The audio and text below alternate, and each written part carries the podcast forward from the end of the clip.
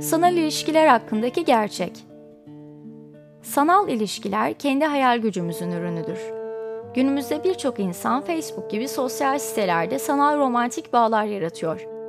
Diğer insanlarla tanışıyorlar, fotoğraflar paylaşıyorlar ve hatta sanal eşlerine aşık oluyorlar. Sanal eşlerimizle kurduğumuz bağ maddi, somut değildir. Bu nedenle onlara bu kadar çok çekim hissederiz. Bu bağ fiziksel temastan uzaktır ve hatta bir anlamda manevidir.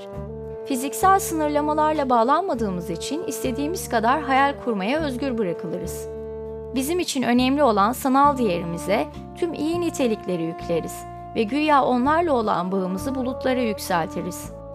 Bu bağın ne kadar özel olduğuna, bunun mükemmel sevgiye ulaşmak için bir fırsat olduğuna dair kendimizi ikna ederiz.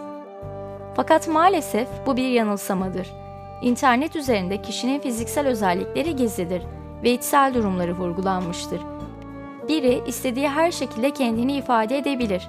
Fakat sorun şudur ki bilmeden bu oyuna daldıkça gerçeği gözden kaçırırız.